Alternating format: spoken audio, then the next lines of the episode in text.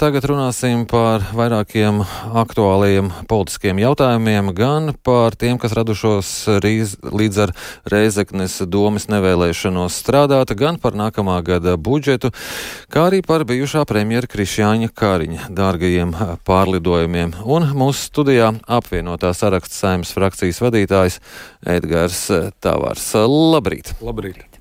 Saima aizdītajā nedēļā noraidīja apvienotā saraksta pieprasījumu ministru prezidentai par Krišāņa Kariņa avioreisu tēriņiem, kad viņš bija valdības vadītāji, adi, vadītājs. Ar to šis stāsts būs beidzies? Nē, nebūtu. Nē. Koalīcija vienkārši matemātiski noraidīja šo priekšlikumu. Mūsu kolēģi uzdeva diezgan detalizētus jautājumus, uz kuriem nesaņēma atbildes pēc būtības. Attiecīgi, tas mūsuprāt ir nonsens, ka saima parlamentārā valstī izmantojot pieprasījumu formu, ko paraksta desmit saimnes deputāti, netiek saņemta atbilde pēc būtības.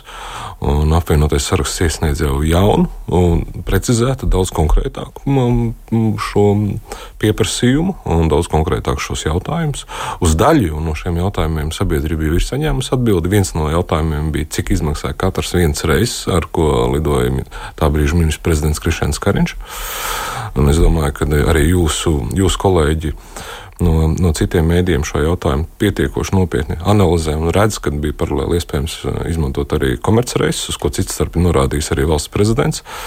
Tādējādi jau priekššķietam radot um, lielus zaudējumus Latvijas valsts budžetam. Es to teiktu tā, tās ir zināmas dzīves uz nodokļu maksātāju rēķina.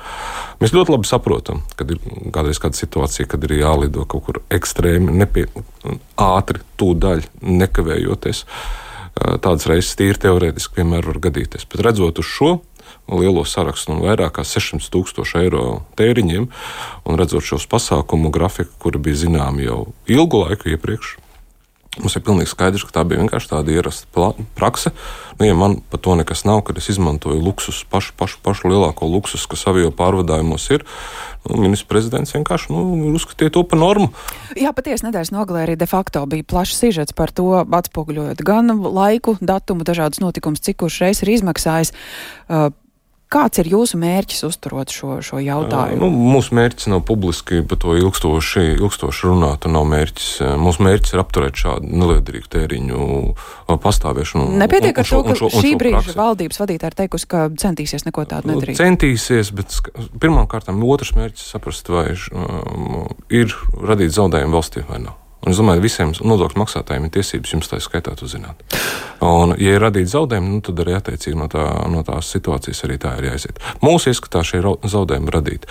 Un, ja mēs vienlaicīgi pie saimnes regulāri sastopamies ar dažādiem cilvēkiem, kuriem trūkst finansējums, ārstējumām slimībām, ārstējumām slimībām, medikamentiem trūkst finansējums, cilvēki gluži vienkārši nevar bieži savilkt savus galus, redzam, cik Pirmās nepieciešamības preces maksā veikalos kādas elektroenerģijas cenas, un tāpat laikā valdības vadītājs lidinās ar privātiem reisiem simtos tūkstošu eiro apmērā, kur paralēli bija iespējams lidot komercreisiem. Kā to dara citas valsts augstas amatpersonas, kā to dara citu valstu kolēģi? Bet kamēr jūs bijat valdībā, tā nebija problēma. Nā, kamēr mēs bijām valdībā, mums šāda informācija tika slēpta. Nevienam apvienotā saraksta ministram nebija informācijas, ka ministrs prezidents izmanto klusi šādus pilnvarus. Kā Nevienam, jūs to uzzinājāt? Nevienam. Es personīgi, mans frakcijas kolēģis uzzināju uzzināja no Latvijas avīzes mazas publikācijas, pavisam īsas. Mazas publikācijas. Ja jums nebija, jā, attiecīgi, nebija izdevīgi to zināt šajā gadā. Brīdī. Mēs uzdevām vienkārši jautājumus vēl, vēl kādu. Un, kādi ir bijuši šie reisi.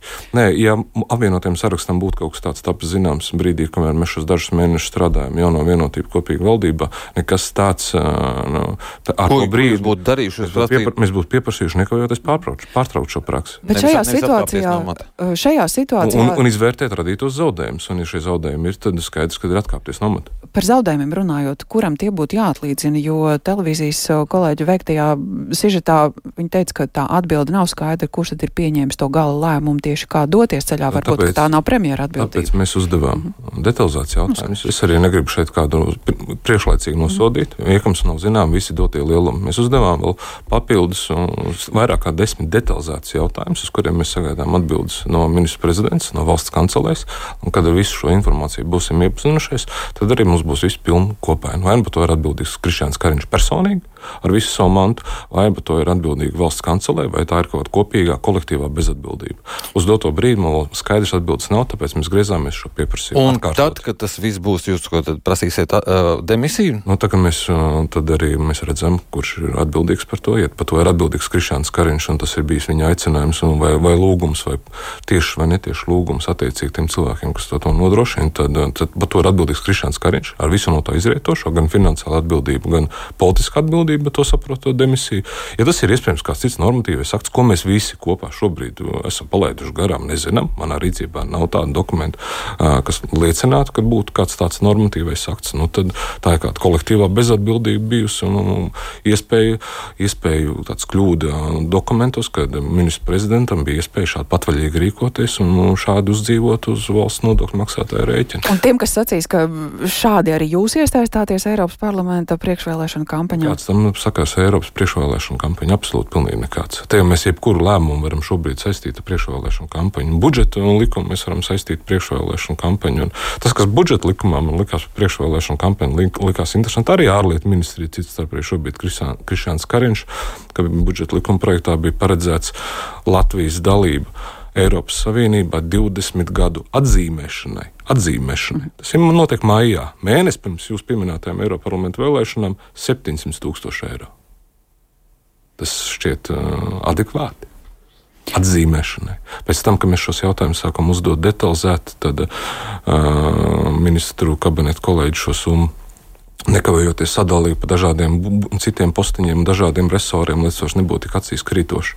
Bet tas nešķiet normāli. Tāpat kā privātie, dārgi ekskluzīvi avio reisi. Mhm. Vēlreiz laikā, kamēr mums onkoloģijas pacienti protestē pie saimnes un ļoti iekšlietu sistēmas cilvēki uh, stāsta nepieciešamo viņiem finansējumu. Ja jau jūs uh, sākāt runāt par budžetu, cik daudz vēl šādu sadaļu jūs esat pamanījuši, kurās ir jautājums, vai šī nauda patiesi tur ir nepieciešama, vai tā nebūtu jāpārliek citās pozīcijās? Ļoti daudz tādas sadaļas neesam pamanījuši. No tādas, kas ir nu, ekstrēmi nevajadzīgas. Nu, piemēram, šie manis pieminētie atzīmēšanas simtiem tūkstoši eiro.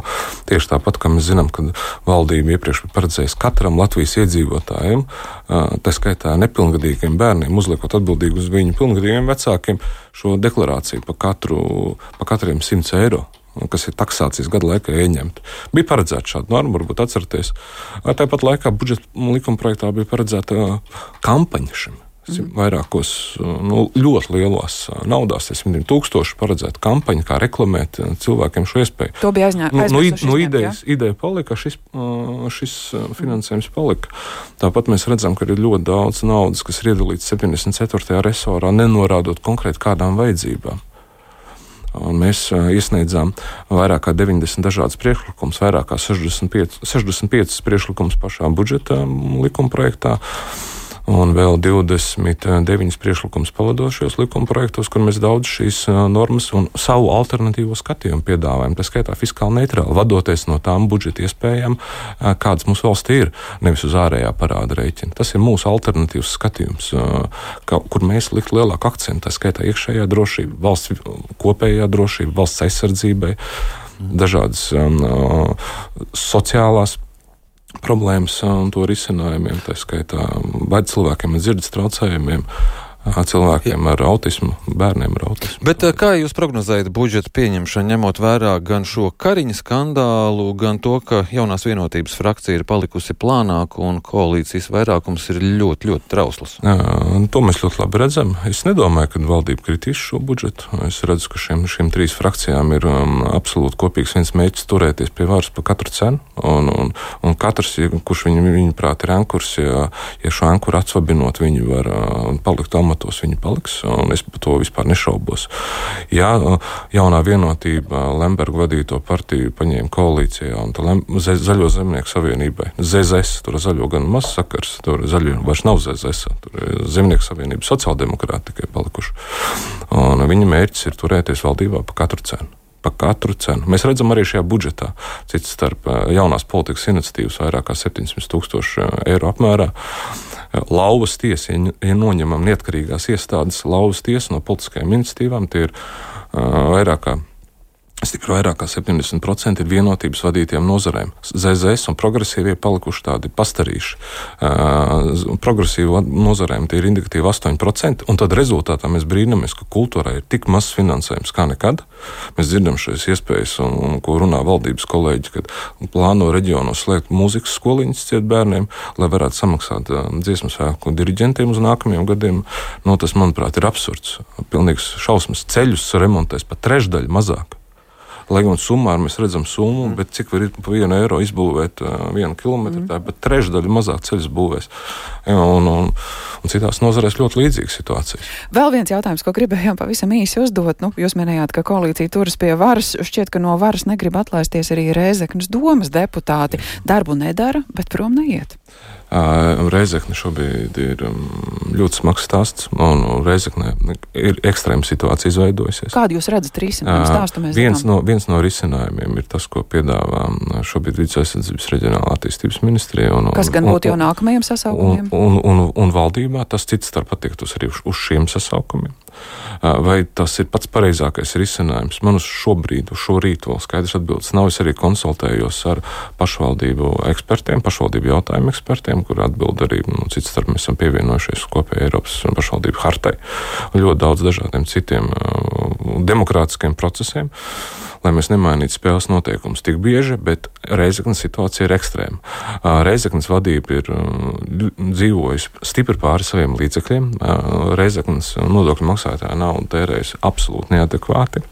Rezultātā Reizeknē ir šis finanšu stabilitātes periods, ka mēs zinām, ka Reizekna citādāk ir uz bankrota sliekšņa.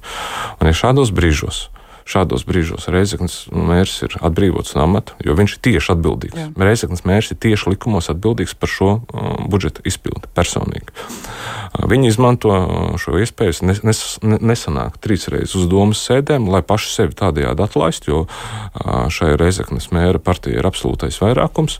Un tādējādi, jā, tādējādi grib saglabāt sevi amatā. Nu, mūsu uzdevums ir nepieļaut šos tēriņu tālāku eskalāciju. Saima balsot par Reizeknas domas atlaišanu?